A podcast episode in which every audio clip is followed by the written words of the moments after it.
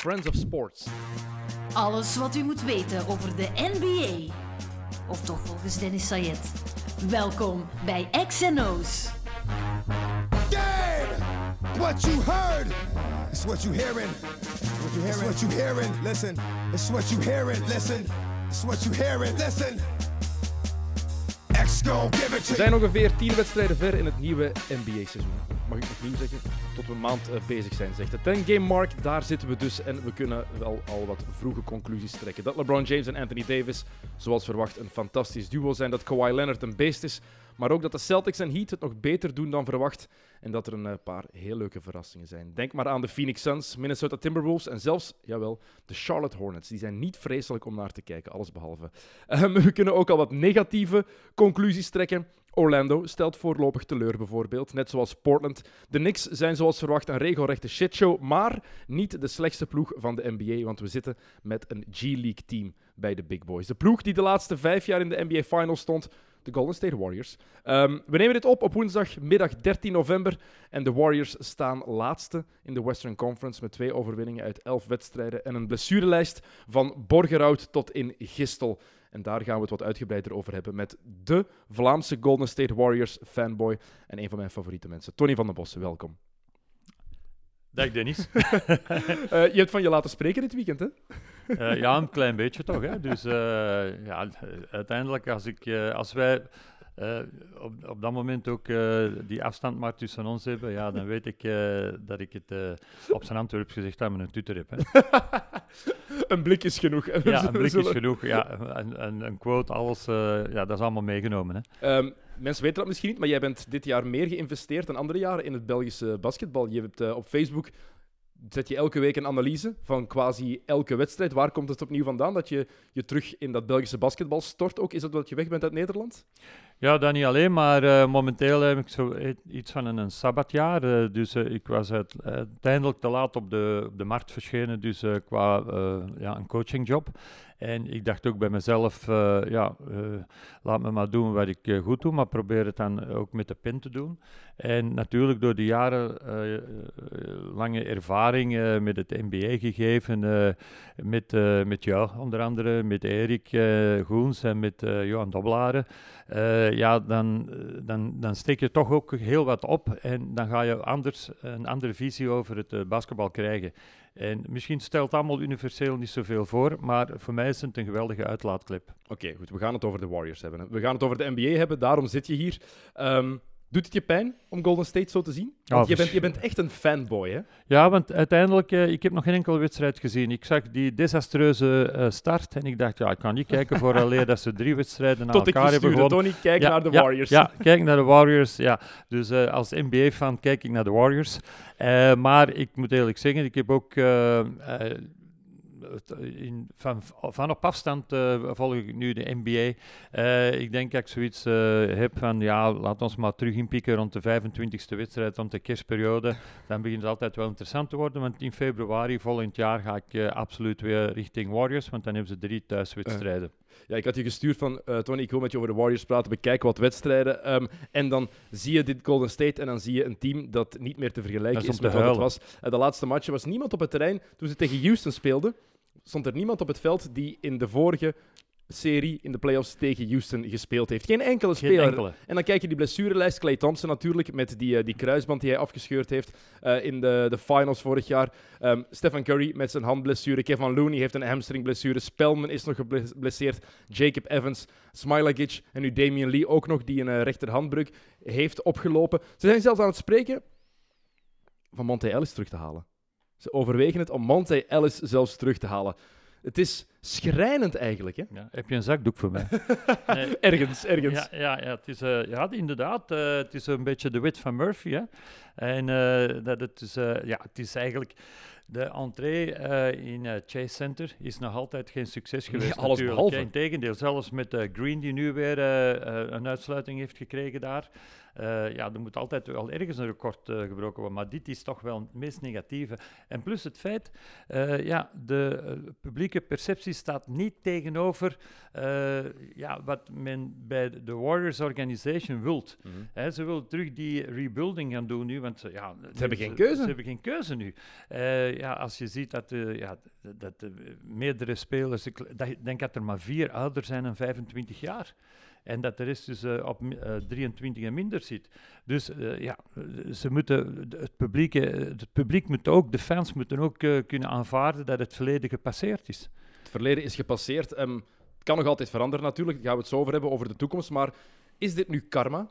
voor Golden State. Want als je kijkt wat daar gebeurd is de afgelopen jaren, vroeger was het echt de ploeg van het volk. In Oakland, in Oracle Arena, daar kwam alle soorten mensen naar kijken. Nu is het bijna een eliteploeg geworden. Als je kijkt naar de mensen die komen kijken naar de Warriors, dan is dat veel meer een elitair, elitair volkje, tussen aanhalingstekens. Als je het vergelijkt met wie er allemaal kwam kijken in Oakland. Ze zijn weg uit de Oracle Arena naar het gigantisch mooie Chase Center. Het is blijkbaar heel mooi. Maar de perceptie rond Golden State is veranderd.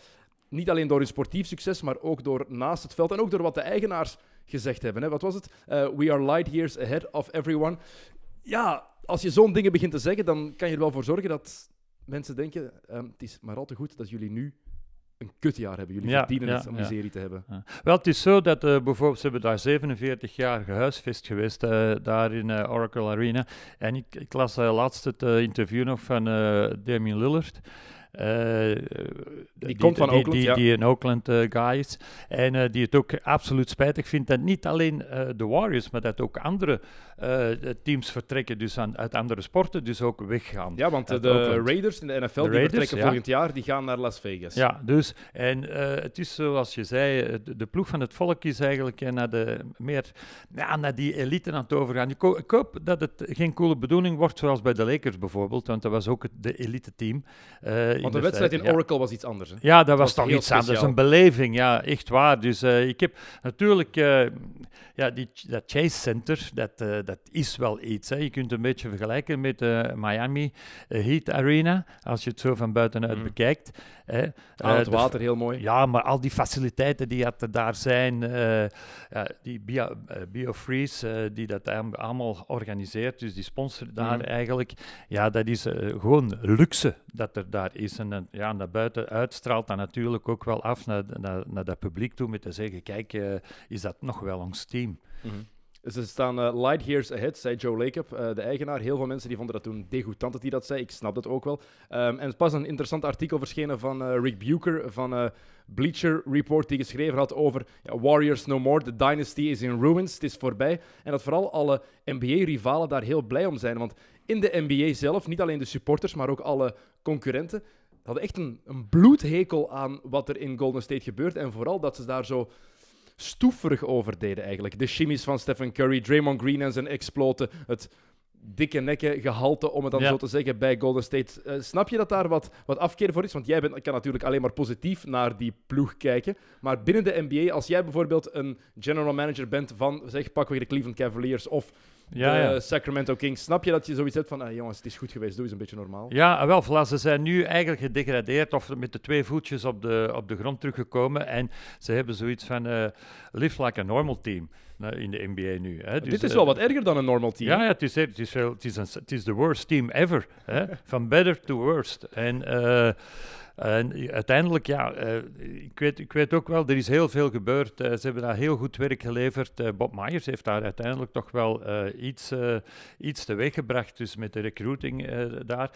en ook zoiets, een vingerknip, en daar had je plots een, een, een, een KD, een Kevin Durant was daar plots. Ze hebben natuurlijk ook heel veel geluk gehad met die ene cap spike, dat ene jaar dat, de, dat het salarisplafond ja. omhoog is gegaan. Want dat is echt uniek. Hè? Mensen die denken van, ja, we hebben Kevin Durant erbij gekregen. Ja, dat komt, het is door omstandigheden. Ze hadden het contract van Stephen Curry, die 44 miljoen voor vier jaar maar, door die enkel blessures ja, daarvoor. Ja, ja. En dan was er die eenmalige cap spike en daardoor hadden de Warriors de kans om KD te signen. Als die uitzondering in die salarisplafonds, als dat, dat er nooit was geweest, dan hadden ze ook nooit de mogelijkheid gehad om Kevin Durant te, te tekenen. Inderdaad, ja, dan hadden ze die mogelijkheid niet, gehad, eh, niet, niet gehad. Maar naar de buitenwereld toe, eh, die niet, op dat punt eigenlijk eh, niet veel verder denken, is het zoiets van, ja, ze hebben Super Deluxe de, het nu met, met die speler juist aan te trekken. Wegnemen van de concurrent Mhm. uiteindelijk. Maar ja, dat is, je ziet... eh, het, eh, het, het, gehalte, het ego-gehalte van die spelers eh, speelde ook mee. Dat is bij Maar- elke ploeg natuurlijk. Ja, het zijn NBA-spelers. Dat zijn allemaal ego's. Curry, Green en KD eh, samen, ja, wie eh, je- je weet wie de ambitie altijd heeft om de, de MVP te worden, hoe dan ook. En nu was er pl- plots die split-up. Dus als ze dat moesten verdelen tussen ja, bepaalde spelers. Mhm. En ja, dat, komt toch ook, eh, dat brengt toch wat vrevel in de kleedkamer. En dat is ook gebeurd tussen Dank, Green en KD in eh, vooral de wedstrijd Green en KD eh, tegen... bij de Clippers. Ja, absoluut. Ja, dus eh, vorig jaar, en, eh, ja, dan denk ik... eh, toen, heeft, toen heeft ook KD al de beslissing gemaakt om weg te gaan. Hoor. Blijkbaar. Heeft hij Ja. zelf ook toegegeven dat het een grote rol gespeeld heeft. Ehm, even misschien voor de mensen die dat niet weten. Jij bent Warriors-fan voor een groot deel omdat je ook gewoon Ron Adams volgt. Hè? Eh, Ron Ja. Adams was de assistentcoach van de Warriors een hele periode daarvoor bij Chicago gezeten. En toen was jij meer een Chicago Bulls-liefhebber ook. Eh, Klopt, wa- ja. Wat heb jij met Ron Adams, voor de mensen die jullie band niet kennen? Eh, Ron Adams die is in mijn leven verschenen in eh, 1980, dacht ik. Dus toen ik nog speler was bij het toenmalige Sunne Oostende. Eh Ron die kwam er eigenlijk, eh, ja, hij uiteindelijk ook maar eh, een vijftal jaar ouder als ik, als heel jonge, piepjonge coach eigenlijk bij het team. En onmiddellijk had die impact op ons, op de groep ook. Het is was de eerste coach die de line drills inbracht. Dus line drills, dat is de voorbereiding naar, naar de werkelijke training toe. Fundamenteel zat hij erg sterk in elkaar, tot de dag van vandaag. En eh, hij had bepaalde schema's. En vooral eh, zijn defensieve eh, schema's waren uiteindelijk iets nieuw eh, brengend in België. Wat was toen. er nieuw aan in die tijd aan zijn defensieve Wel, hij, werk? hij, hij had zoiets van, eh, ja, eh, als, ik nou, als ik die zaken vertel, dat is meer voor de, voor de leek is dat eigenlijk Chinees. de sideline push, baseline cut-off, de point push, de verbals die hij daar naartoe bracht, hoe dat je die zoneverdediging kon optimaliseren, niet om uit te rusten, maar nog voor actiever te spelen. En hij zei me toen, toen zei hij, ja kijk, ik ga het eerste jaar defense doen, het tweede jaar ga ik offense doen. Nu, daar is er nooit van gekomen. Dat jaar wonnen we wel de beker van België. En eh eindigden we op de vierde plaats. We een unicum op dat moment voor Oostende. Dat op dat moment ook nog geen topteam had. En eh, wij, hadden al eh, het gevoel dat, ja, dat hij veel verder ging ge- geraken dan dat hij, in- dat hij weg uit België zou gaan. Hij is toen ook headcoach van Fresno geworden. Ja.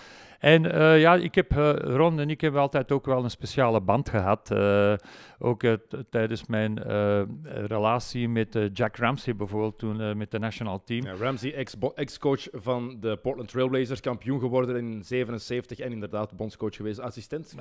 Jij het? was mijn supervisor. Ja, inderdaad. Was Ja. jouw, Ja, mijn supervisor. En toen was, voelde ik dat de inmening die ik had bij het nationaal team, dat eigenlijk ja, door Ron Adams kwam, die inmenging, eh, dat dat ook eh, fel aanvaard werd door, eh, door Jack Ramsey. Dus dat er toch een respect was van eigenlijk een, een veel oudere coach. mhm. Dus eigenlijk een, een, een monument. Als je een titel wint, ben je een monument. naar Ron Adams toe. En ik heb altijd die band met Ron Adams ook wel kunnen behouden. Wij, ja, ik heb hem nu laatst nog een, een postkaart gestuurd van 1981, toen de- dat hij naar mij heeft gestuurd. Ik heb het eergisteren nog naar hem toegestuurd. En hij wordt 72, soms realiseer je dat niet, dat die vent nu al aan zijn 26e NBA-jaar bezig is. Maf. En, en dat is maf. En dat hij altijd wel eh, de toewijding heeft gehad voor met coaches te werken. Niet echt de ambitie om headcoach te worden. Dat vind ik fantastisch. In de NBA is hij altijd hij is enkel headcoach geweest van Fresno State en van ehm, Oostende en Fresno Pacific daarvoor. Voor de rest is hij altijd assistentcoach Ja, geweest. zelfs hè? Canadees eh, nationaal team heeft hij ook nog eh, even die stap gedaan. Eh, ja, het is maf gewoon. En, hij heeft altijd in de luwte, in de schaduw kunnen werken. En ja, je merkt ook, waar dat hij geweest is, is er ook altijd resultaat geweest. En geloofwaardigheid, Ja. dat staat bij Ron hoog in het vaandel. Trouwens, je hebt hem leren kennen in 1978 blijkbaar. In Ik heb net even- 78. 1978, 79 is hij Dat headcoach was de eerste, ja. eerste, ja, ja, ja. Dus voilà, die postkaart is dan twee jaar later gekomen. maar je ziet, wij hadden toch dan die speciale band. Eh, Adams zit dit jaar wel niet meer op de bank, hè?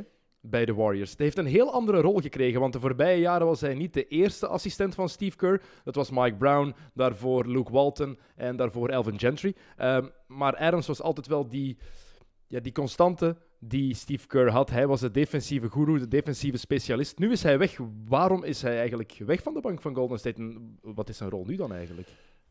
Wel, het is eigenlijk zo dat uh, Ron is tot de realiteit gekomen, of, uh, zeer realistisch natuurlijk, dat hij uh, zijn betere kameraad, waar hij, dus zijn tennismaatje, dat is Christo Makis, Makis, die is op zijn 62e door een hartaanval gestorven. En dat was vorig jaar. En dat heeft Ron erg aangegrepen. Hij heeft gezegd, ja, er is ook nog een, ander leven naast mijn leven. Hè? En je ziet hoe snel het kan gaan. En ehm, hij wou niet meer die verplaatsingen meedoen. En heeft toen, uh, hij had drie mooie aanbiedingen hoor, waaronder van de Lakers. Dus want iedereen wou wel, uh, hij is uitgeroepen tot de be beste uh, assistant van de NBA. En iedereen wou hem dus wel inlijven. En zijn we dat hij drie heel goede voorstellen had. En uiteindelijk, door de loyaliteit dat hij had met, met Steve Kerr en met dat team, waar hij zoveel succes mm. heeft mee behaald in die laatste vijf jaar. Uh, ja, zei hij, ja, er moet ergens een, een, functie zijn waar ik me in kan vinden. Steve Kerr heeft hem toen voorgesteld een macrofunctie te nemen, uh, de coach de coaches. En uh, hem ook gerust gelaten, kwestie van de verplaatsingen. Bijvoorbeeld, hij, hij, in de, hij zal, je zult hem niet op de bank zien zitten in de Midwest in de winter.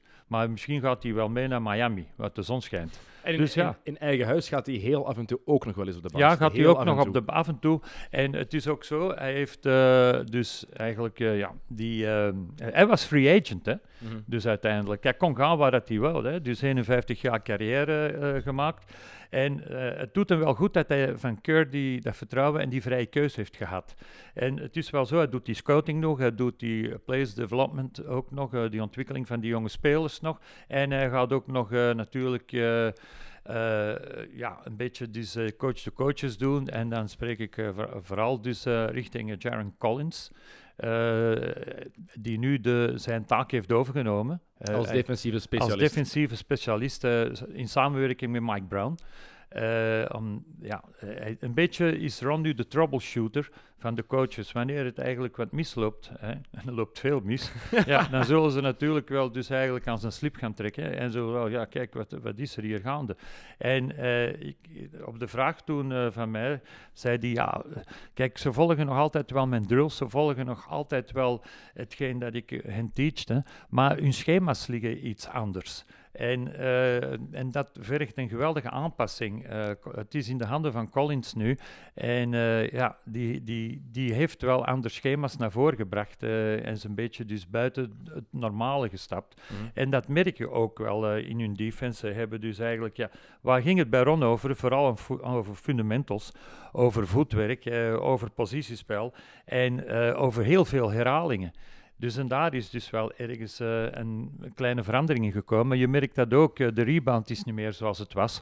De posities in de rebound zijn er niet meer, de rotaties zijn langzamer. En uh, de, de, read-and-react defense is ook niet meer zoals het bij Ron was. nu krijgen ze ja, 121 punten per wedstrijd tegen. En ze hebben niet de, de, de force, de aanvallende kracht om dat te kunnen rechtzetten nu. Ja, en als je vergelijkt de afgelopen jaren, tenminste Ron Adams zit daar van 2014. Het eerste kampioenjaar, 14-15, hadden ze de beste defensie in de NBA. Het jaar daarna waren ze uh, nummer 6 in de NBA. Die defense is altijd heel belangrijk geweest voor dat team om, om succes te hebben. Um, het jaar daarna, tweede in de NBA, altijd een top 4. Ja, altijd een top ja. 10 defense. Ja, ja, Zeker dat. Vorig jaar was het wat minder. En dan kijk je nu, wie heeft de slechtste verdediging van de hele NBA? Inderdaad. Het zijn de Golden State Warriors. Het zal niet misschien alleen aan Ron Adams liggen, want je hebt ook het personeel natuurlijk dat je hebt maar het zal ook wel een rol kunnen spelen. Ja, inderdaad, het speelt een rol. Uh, momenteel heeft hij eigenlijk uh, met, uh, met Green en, laat dan zeggen, Looney, eigenlijk maar twee ervaren verdedigers, uh, de, de, defensieve, uh, laat ons zeggen, pilaren daar, mm. die uiteindelijk uh, de, de, enige zijn die, die een beetje dat, dat begrip hebben. Die andere jonge spelers, die moeten dus eigenlijk nog door heel dat schema gaan, door heel dat gamma gaan. En dat is niet zo evident. Dus, eh, en het feit dus, eh, ja, Thompson valt dan ook weg. Clay Thompson eh, was ook een... Die, een, een- die onderschatten veel mensen, denk ik. Zijn Ja, impact, een goede ieder- Iedereen hoor. praat alleen over zijn shooting, maar het is een van de beste two-way players die er was. Ja, two-way player, ja, he- heel goed. En nu verliezen ze nu met Lee, ook weer zo'n speler, hè, een two-way player. En dat vind ik eigenlijk, dat is voor, de, de Warriors, dat, dat zien ze niet altijd, is dat ja, een, een fase in de rebuilding. Mm. Natuurlijk, je mag ook niet vergeten als je vergelijkt met de voorbije jaren. ehm Clay Thompson is uitgevallen, geblesseerd. We zeiden het net, een geweldige two-way defender. On de bal, maar ook weg van de bal. Ik denk dat we niet mogen vergeten en onderschatten wat voor impact Clay Thompson defensief ook op die ploeg heeft gehad. Je had Kevin Durant, een gast die op alles kon Ja. switchen. Een seven-footer die op een guard kon verdedigen. Maar ook op- Iguodala, Iguodala we- weg, Iguodala, Ja. die is vertrokken. En Sean Livingston, En die op pensioen is gegaan. retired. Dat zijn al vier heel belangrijke spelers defensief. Stephen Curry is minder goed, is minder slecht, wil ik zeggen, dan veel mensen denken. Defensief is geen geweldige verdediger, Nee. maar ook, is, is ook geen ramp. D'Angelo Russell is, komt er dit jaar bij. Ja, dat is wel een ramp defensief. Dat is, dat is gewoon zo. Nee, die denkt alleen maar aan scoren. ja? Maar je hebt al die afwezigen, al die mensen die vertrokken zijn, die op pensioen gegaan zijn. Je hebt dan die, die geblesseerden. En dan kom je nu met dit roster. En laten we eerlijk zijn, eh, het was financieel niet mogelijk. Ik denk dat ze nu nog maar 30.000 dollar hebben die ze zouden kunnen spenderen zelfs. eh, door die zware contracten voor Stephen Curry, voor Klay Thompson, voor Draymond Green en voor D'Angelo Russell. Vier max contracts. Je kan dat moeilijk opvangen met andere dingen. Maar deze ploeg is gewoon intrinsiek niet goed genoeg. En we hebben Bob Myers genoeg bestoefd de afgelopen jaren. Ja. heeft heel mooie dingen gedaan. De ploeg die hij nu bij elkaar had gezocht, zelfs al was Stephen Curry helemaal fit, als Clay Thompson het hele jaar had uit- uitgezeten. Ik heb dat voor het seizoen helemaal verkeerd ingeschat. Deze ploeg is gewoon niet goed genoeg. Nee, die ploeg is... ne- eigenlijk, er zitten eigenlijk... eh, voor, de, voor, de, voor de NBA zit er weinig NBA-kaliber in. Eigenlijk, eh, dat op, op termijn. Ja, je kunt bijvoorbeeld zeggen, ja, je hebt misschien nog wel wat pool. pool. Je hebt dan nog eh, ehm, onze vriend uh, Patchal. Dat is de enige waar ik Ja, echt van denk van, oké, die gaat daar het zit potentieel in, ja, ja, wel, hè. Je hebt eh, de, ja, eh, met Robinson III, k- kan het alle kanten uit. Marquise maar- Chris, Carly Marcus Stein. Ik word daar niet warm van. Zijn, nee, ik ook niet. Ik word er ook niet warm van. Ik word er echt, eh, ik word er zelfs lastig van soms. en eh, zoals gezegd, Angelo Russell, dat, dat- zijn stadsogen allemaal wel heel mooi. Maar uiteindelijk, eh, zoals je, ja, je moet de 50% defense, 50% offense. Ja, neemt die 80% offense voor hem en 20 defense voor, eh, ja. Het is, Er eh, zijn er nog wel meer natuurlijk. ja, natuurlijk. Het zijn er meer, maar hij, heeft wel talent. Een Absoluut. Uh, D'Angelo Russell, je, zegt het al, je zei het al zijn statistieken de afgelopen vier matchen alleen al tegen Utah. Het zijn wel vier nederlagen, niet onbelangrijk. Tegen Utah 33 punten, 8 assists. Tegen OKC 30 punten, 7 assists. Tegen Minnesota 52 punten, 9 rebounds, 5 assists. En dan tegen San Antonio 30 punten. Ehm, ze kijken nu enkel naar de toekomst bij Golden State, want dit jaar hebben ze al opgegeven eigenlijk. Hè. Stephen Curry gaat waarschijnlijk het hele jaar oud zijn. Nu is er toch sprake van dat hij vroeger zou terugkomen. Ik denk dat het het slimste is voor de club dat hij het hele jaar gewoon mist. Dat hij gewoon het hele jaar oud zit. Wat er met Draymond Green gaat gebeuren, geen idee. Hij heeft zich nu al laten ehm, ejecten meteen in zijn eerste match terug na zijn blessure. Ja, ja. ja. Maar dit Golden State moet eigenlijk gewoon aan één ding denken. En het is iets wat je eigenlijk als basketballiefhebber niet graag hoort, maar het is tanken. Dank je, hè. Ja, ja absoluut. Ja. En ze, hoort, ze, spreken dat, ze wil dat woord niet uitspreken. Hè. Dat is het probleem. Hè. Dus het prestige zit zo hoog bij hen, dat je het woord, wanneer je het woord tanken uitspreekt, dat ze, dat ze uiteindelijk zeggen, ja, je, eh, waar ben je mee bezig? Het zit niet in ons DNA, zei ja. de eigenaar. Wel, dat is misschien een van de meest verwaande dingen die ik in lange tijd gehoord Ja, heb. Want in ook, ja. 2012 ehm, hebben ze de laatste, denk ik, 20 matchen bijna expres verloren, zodat ze een top 10 pick hadden waarmee ze Harrison Barnes hebben kunnen Ja. draften. Je, je, je bent uh, toch in de veronderstelling, dat is een team dat 73, op een seizoen 73 overwinningen, en zelfs, eh, ik denk als ze 60 overwinningen, dat dat nog heel ver weg is, en dat ze dit jaar zelfs de playoffs niet halen. Maar totaal En- niet. Ze gaat, nee, het gaat en een van de twee zou- slechtste ploegen in Ja, de NBA het zou, het zou gewoon zijn, zoals je zegt, eh, rebuilding en danken. Waarom, waarom zeg je als eigenaar dan nog zo'n dingen van het zit niet in ons DNA, als je het effectief al gedaan hebt? Ik, dat is waar ik dan een beetje ambetant van word. Van aanvaard de realiteit en je kan zeggen we willen niet tanken en dat is een mooie ingesteldheid, we willen niet tanken, maar zeg niet wij zouden zoiets nooit doen als je het zeven jaar geleden gedaan hebt. Ja, ja wel. Makes no Eh, sense. ik ben ervan overtuigd dat ze eigenlijk nog ergens eh, in de verre gedachten zijn dat ze dus eh, op het einde van de race, want het zijn nog veel wedstrijden, dat ze toch nog ergens die stick in de playoffs kunnen halen en dat ze dan toch nog dat mirakel kunnen bewerkstelligen. Maar voor mij is het wishful thinking. No way. Deze, deze, dit team oh, is gewoon het, een team dat niet goed genoeg is om naar die playoffs te En dat te gaan. veel fouten maakt. Als je kijkt naar die defense, Oh. want dat is iets waar jij ook graag, op, specia- eh, ook graag op, op richt.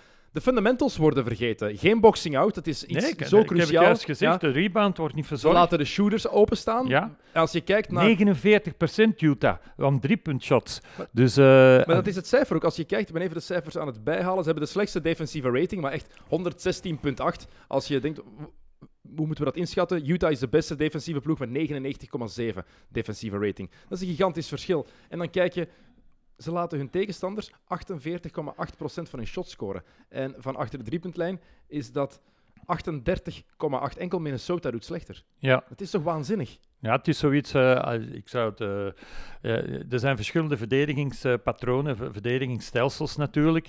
En dit doet mij een beetje denken aan. Aan het, eh, het gegeven van een packline defense. Een packline defense, dat is dus zeggen, wij sluiten het midden af, we geven al de open shots, maar dat kun je toch absoluut niet permitteren. Dus eh, dat is een geweldige omschakeling dat je dan teweeg brengt. Want, is ja, wat, wat, wat Milwaukee vorig jaar gedaan heeft. Ja. Milwaukee zette de paint altijd vast en gaf eigenlijk heel veel driepunters weg. Ja, de Tony Bennett eh, defense, dus eh, het packline defense, dat ve- veel nu in NBA gebruikt wordt. Maar ja, old school, denk ik dat dus Ron Adams, in de opvolging van Ron, altijd gebruikte met te zeggen, kijk Vla, wij hebben een bepaald schema en dat is onze defensieve filosofie en daar houden we het bij. Want hij heeft zijn, zijn filosofie wel een beetje aangepast doorheen de jaren. Als je kijkt wat hij deed met Tom Thibodeau in Chicago, was het vooral die ice defense. Waar, het was ook Thibodeau zijn defense, Ja, dus hij ja. moest daar wel aan meewerken. Die ice defense waarbij Het Als- screen niet mocht, mocht gebruikt worden. Voilà, de Ja. verdediger van de screener die zakt dan in, in Ja. plaats van daar te gaan hedgen of te switchen. Bij Golden State was het helemaal anders. Dat was het bijna altijd een switching defense. Ja, natuurlijk, omdat hij ook het personeel had om dat te doen. Hè. Dus, eh, maar ik, ik denk eh, dat je bijvoorbeeld nu, eh, dat Collins daar een geweldige, ja, hij moet, dat zeg ik altijd, hè. Je, moet, je moet altijd de, de, de, de lessen van de meester kunnen ondergaan en aanvaarden. En eh, je mag je eigen filosofie erin pompen, maar ik denk niet dat dit het juiste moment is om veel verandering te brengen. Omdat het materiaal er niet is, Nee, zeggen. maar ma- materiaal er Wat niet moet je is dan en doen? Moet je dan echt... Dat zijn- basketintellect is ook Maar we zijn tien matchen ver. We Ja. zijn tien matchen ver. Wat moet je dan doen als je Steve Kerr bent nu? Eh, Wat moet je dan doen als je Steve Kerr bent? Want je zit aan wedstrijd... wat Tien, hebben ze? elf? Tien in totaal. Ik- Ja, ik ben nu elf benieuwd. zelfs. Elf Ja. voor hen, inderdaad. Dus ze moeten er nog 71 spelen. 71 wedstrijden. Dat is nog ontzettend lang. Dat is nog een hele periode. Ga je dan effectief... Alle, je, wilt toch ook die jonge gasten nog wat beter maken. Waar focus je je dan op als je Steve Kerr bent? Fundamentals. Puur op fundamentals, ja. Dus eh, gewoon naar de ba- back to the basics gaan. Ja, en uiteindelijk eh, het, het zodanig stellen dat je, dat je ook je, je verwachtingen niet te hoog stelt. En dat Het is je onmogelijk om verwachtingen te hebben met deze ploeg zelfs. Nee, de, de, de verwachtingen absoluut niet te hoog stelt. En dat je de, ah, je achterban niet bedriegt. Dus bijvoorbeeld eh, je fans en, en ook, ook je sponsors niet. Eh, want uiteindelijk kun je mo- moeilijk gaan waarmaken wat, eh, wat er voor, voorheen werd gezegd. En te zeggen, kijk, eh, het komt wel goed met die Warriors. Nee, het Maar- komt niet goed met die Warriors. Maar in de loop ervan, met al die jonge spelers, fundamentals, dat is zo belangrijk. Die en te hopen dat er een paar jongens zijn waarvan je denkt, oké, die kan ik ontwikkelen, die kunnen blijven voor de Ja. komende jaren. Want de helft van deze ploeg is misschien niet houdbaar als ze volgend jaar... Want denk eraan, volgend seizoen krijgen ze Stephen Curry sowieso terug. ja, Clay Thompson komt normaal gezien helemaal fit terug. Ze hebben Je hebt nog altijd D'Angelo Russell, ja. en Draymond Green. Ehm, als je nu slim bent, als je Golden State bent, denk je enkel aan volgend jaar. En ik weet, het is erg om dit te zeggen. Het is 13 november. Het seizoen is nog geen maand ver. Het is eigenlijk schandalig om zo te denken. Maar als je in deze situatie zit, als je Golden State bent, is dat toch de enige optie? Denk je, oké, D'Angelo Russell, alles laten doen wat hij wil. Dat hij nog aantrekkelijker is om eventueel te traden. Ja, Want ja. ik denk nog altijd dat dat misschien wel de beste optie is Denk om hem ook. te traden.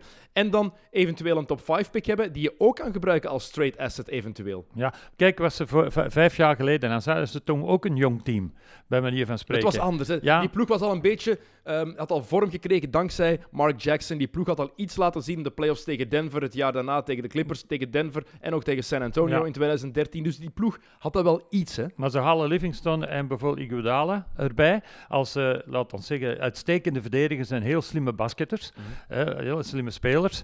En eh, ik voel nu aan dat bijvoorbeeld een Draymond Green niet die rol kan opnemen wat in de tijd eh Iguodala wel deed bij hen. Hè, Maar dus, dit, dit is, natuurlijk, Iguodala zag ook het talent rond hem. Hij had Clay Thompson naast zich en Stephen Curry. Ja, die twee ja, alleen ja, al. ja. Draymond Green, die ziet Jacob Poole... Jordan Poole moet ik zelf zeggen. En Ja. Jacob Evans naast zich ja, lopen. ja, Of Kai Bouwman. Ja, Ja, maar hij, dat is wel iets helemaal anders. hè? tuurlijk, maar hij, hij, hij laat wel uitschijnen dat hij die rol wil doen. Maar de- bij zijn eerste verschijning gaat die, wordt hij nu al uitgesloten. Dat is niet bij Het is een uitleg gehoord. Ja, het is eh, van die grown man. Ja, voilà. Eh, De scheidsrechter had blijkbaar tegen hem gezegd, het was een verkeerde call volgens Green. Ja. Ehm, en de scheidsrechter had gezegd, don't talk to me. En dat mag je blijkbaar niet zeggen tegen een volwassen man. ik, had- ik zou hem zo graag in discussie zien gaan met de Belgische scheidsrechters. Want, of Euro- nee, Europese scheidsrechters zelfs. Want je mag zo weinig zeggen in Europa in vergelijking met de NBA. Hij Ja. overleeft de warming-up niet. Nee. Dat is echt- maar het- het is wel waar, hè? Ja. Het is, als je dat vergelijkt, wat er in de NBA, hoeveel ze met scheidsrechters mogen praten in vergelijking met in de FIBA-landen. Want ik heb het niet alleen over België, gewoon Nee. alle Europese landen. Het is toch dag en nacht verschil. Ja, als hij zou, zou moeten doen zoals eh, bijvoorbeeld eh, Bola deed voorbij, voorbij eh, eh, weekend, dus naar de eh, lijnrichter te lopen, dat, dat kun je niet permitteren in Hoor ik, nu echt een voetbal, hoor ik nu echt een voetbalvergelijking van Tony van den Bos? ja, absoluut, ja. Je, je bent uit het basketbal, eh, bijna uit het basketbal en je gaat meer en meer naar de Antwerpen. Ja. Het, wordt, het, wordt, het wordt erger en, eh, en erger. Uh, wat moet Draymond Green doen dit jaar? Moet hij... Gaat hij dat... Eén, gaat hij dat een heel jaar volhouden? Twee, moet hij een blessure faken? Wat doe jij als je Draymond Green bent? Want dit seizoen, voor iemand zoals we Green kennen de afgelopen jaren, die gaat, het, die gaat zich kapot frustreren. En volgens mij die kan die groep alleen maar vooral schade toebrengen, toch? Ja, in- inderdaad, hij, hij zal zich eigenlijk moeten beperken tot eh, het luisteren naar de coach, absoluut. En eh, hij zal een, een, een anger management eigenlijk cursus moeten gaan volgen om, ja, om eh, uiteindelijk ja, het team in de goede banen te leiden. Natuurlijk, je kunt ook niet naast hem kijken en hij zal zijn waarde wel hebben, maar je mag verwachten dat om de drie wedstrijden daar toch een, een speciaal Draymond Green moment zal zijn hoor. Eh, dat hij eigenlijk eh, toch uit zijn, eh, uit zijn cilinder zal stappen. En dat hij, ja, ik heb het daar ook gemerkt op training, dat hij dat wel eens doet tegen jonge spelers. Dat hij uiteindelijk ja, verbaal heel sterk uithaalt op training ook. Iedereen zegt de dynasty is voorbij. De Golden State Warriors dynasty is over. Denk jij dat ook? Objectief. Laat je fangehalte even gaan. Is deze dynastie voorbij? Of zie jij toch wel de kans Curry terug volgend jaar, Thompson terug volgend jaar, Green misschien in top shape en dan D'Angelo Russell een topic en trade mogelijkheden? Wat denk jij? Ik kijk naar jouw Chicago Bulls eh, outfit nu, die je aan hebt. Hè? En eh, ik, ik heb zo'n klein beetje hetzelfde beeld dat mij ophangt. Dus eh, wat er toen bij Chicago is gebeurd, in mindere mate met Miami. Hè?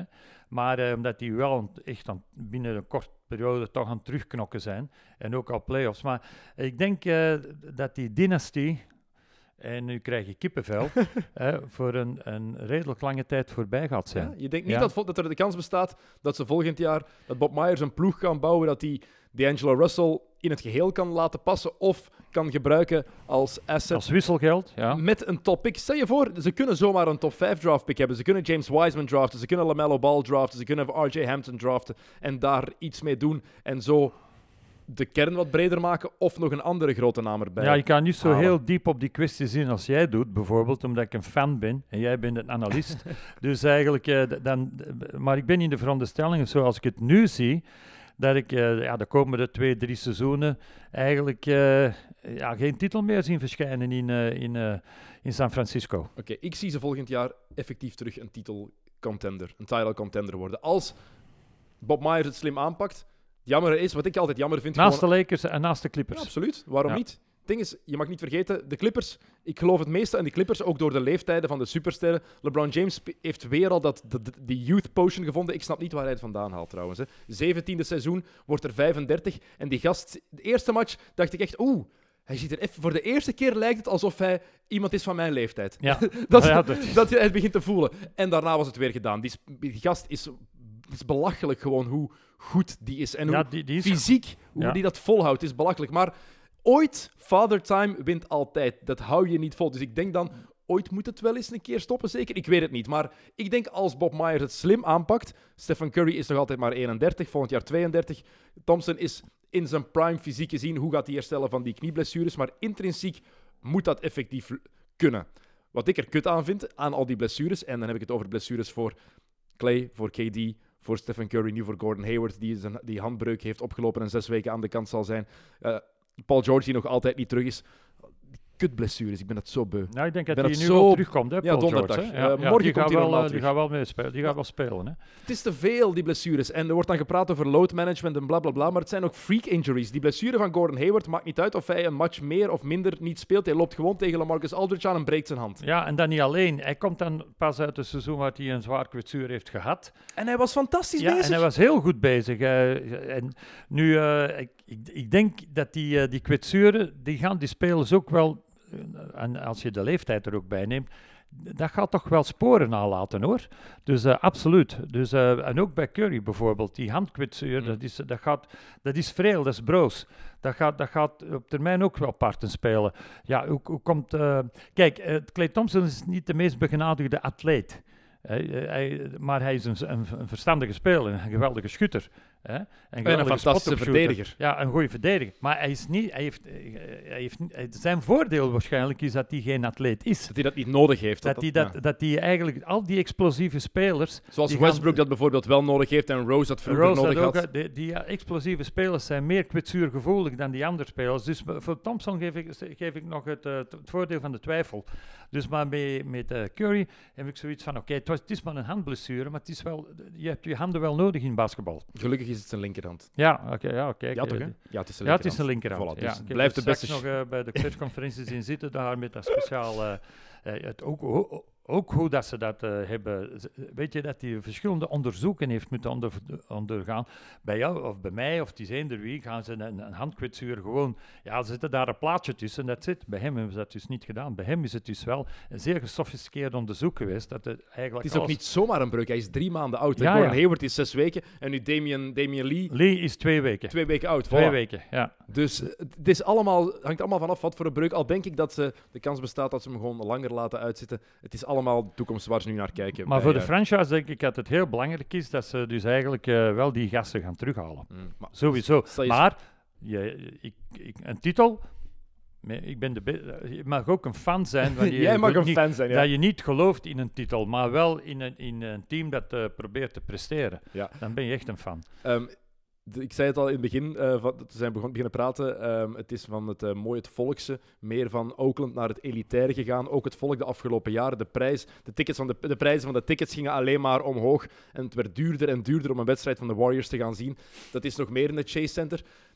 Ik snap wel dat je als Golden State Warriors hater en ik vind het ergens ook wel een klein beetje grappig dat je een beetje leedvermaak hebt met al die mensen die nu ongelooflijk veel geld hebben betaald dan voor die dure tickets die, dat vroeger, nooit, die vroeger nooit kwamen kijken. Dus niet de echte Warriors-fans die ook al bij waren in de We Believe days, in de Run TMC days met Tim Hardaway, met eh, Chris Mullen en Mitch Richmond. Eh, in die dagen de echte, de echte fans, maar die, de bandwagon-fans, dat die dan Ja. nu duizenden euro's gaan betalen om te gaan kijken naar een ploeg met Jordan Poole en met Kai in ja, de jong, basis. dat is toch niet normaal eigenlijk. hè, dat je Ik snap dat je daarmee lacht. Nee, ik snap dat. Ja, ik kan, ik kan dat me best voorstellen. Dus eh, dat, eh, dat mensen die eh, ja, in Sacramento zaten, of, Voilà. zelf- zelf- dat die nu zeggen, hey, kijk eens aan, nu zijn ze op ons level. Of die mensen die het niet meer kunnen betalen, dat Ja, die ook of- zoiets hebben hier, jongens. Ja, ja, doe maar. Hè. We zullen het wel op tv bekijken. Ja, voilà. Ja, want die, ja, dan kun je nog altijd een ander kanaal opzetten.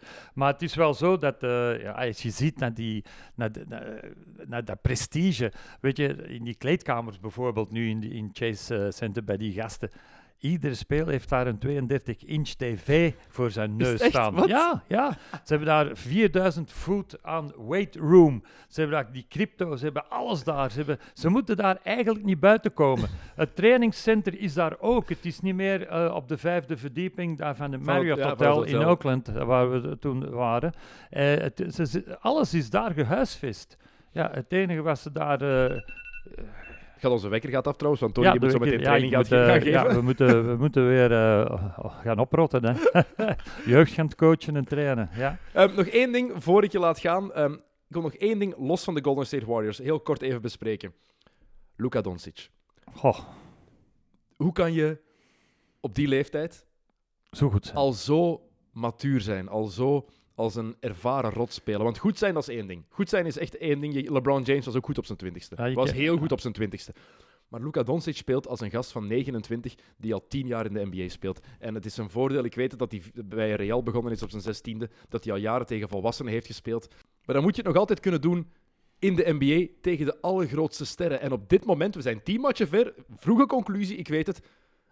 Hij is een van de twee MVP-kandidaten. Hij en Giannis Antetokounmpo. En LeBron of AD misschien als zo wat... En, en, en Anthony Davis zijn zo net... En, wat zeg ik? En ehm, Kawhi Leonard zijn zo net daaronder. Maar de twee grootste MVP-kandidaten zijn twee Europeanen. Maar die Luka Doncic...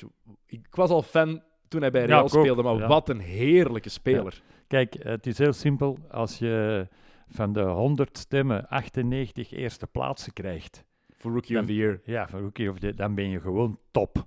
Dus en dat was vorig seizoen zo. Hè? Maar dit jaar is hij gewoon nog beter. Laat zien dat hij gewoon... Dat, dat hij effectief MVP-materiaal is. En dan denk ik nog altijd, hoe kan je die laten gaan als je Phoenix of Sacramento of Atlanta bent? Ja, Want iedereen bij de Hawks zegt, ja, maar wij hebben Trae Young. Ja, maar Trae Young is heel goed en gaat een superster Ja, ja, worden. of- ja, of een ster worden waarschijnlijk. Maar Luka Doncic is een MVP-caliber player. Dat had die Aiton ook en die had eh, geen enkele eers- eerste plaats eh, stem. dus en dat was een heel sterke lichting toch. Absoluut. Dus eh, absoluut. En nu, ja, het is ook een beetje uitkijken naar de rookie van dit jaar. Nou, we zullen eens kijken, Zion Williamson, dat die gaat We spelen. hebben hem nog altijd niet gezien. Nee, ik heb hem ook nog niet altijd niet gezien. ik ben ook curieus naar die Jay Morant. Ja Morant van, Ja, van Memphis. vind ik Ja. ook een, een schitterende speler. Dus eh, ja, er zijn verschillende rookies die op dat moment toch nu ook weer in een sterke lichting naar voren gaan komen. Hoor. Maar Maar de, de MVP, daar ga ik mee in jouw verhaal, en dat gebeurt niet veel. Maar dat is... eh dat- Luka Doncic na tien matchen. Ja. Na tien matchen En dat-. Dat komt voor- vooral omdat Giannis Antetokounmpo ook al, denk ik, vier airballs van op de vrije worplijn heeft gegooid. Daarom zullen we hem naar beneden halen. Ja. Lekker, lekker kort door de bocht. Goed, Oké. Tony van der Bos, jij moet vertrekken. Bedankt dat je er was vandaag. Ehm, bedankt voor naar XNO's te luisteren. Er komt morgenavond, normaal gezien, al een nieuwe aflevering. Want de one and only Francisco Elson, de enige Nederlandse NBA-kampioen ooit, die komt naar onze studio eh, in, eh, in Vilvoorde. En gaan we uitgebreid met hem praten. Onder andere over Tony Parker, die zijn shirt in de rafters, in het eh, plafond, in het dak eigenlijk van... de, wat is het? Het AT&T Center? Ja, het AT&T Center in Ja. San Antonio heeft zien gaan. Dus het wordt een, een mooie, een mooi babbel. Het was spijtig eh, dat op dat moment eh, die wedstrijd verloren werd. Ja, dat is het enige. Maar dat is het enige. op zich maakt het voor hem Nee, maakt uit, het voor hem niet uit. Eh, z- zijn buddies waren daar en dat was goed, hè, en de coach. Absoluut. Tony, bedankt dat je er Oké, was. goed. Oké, Yo, tot salut. ziens. Dag,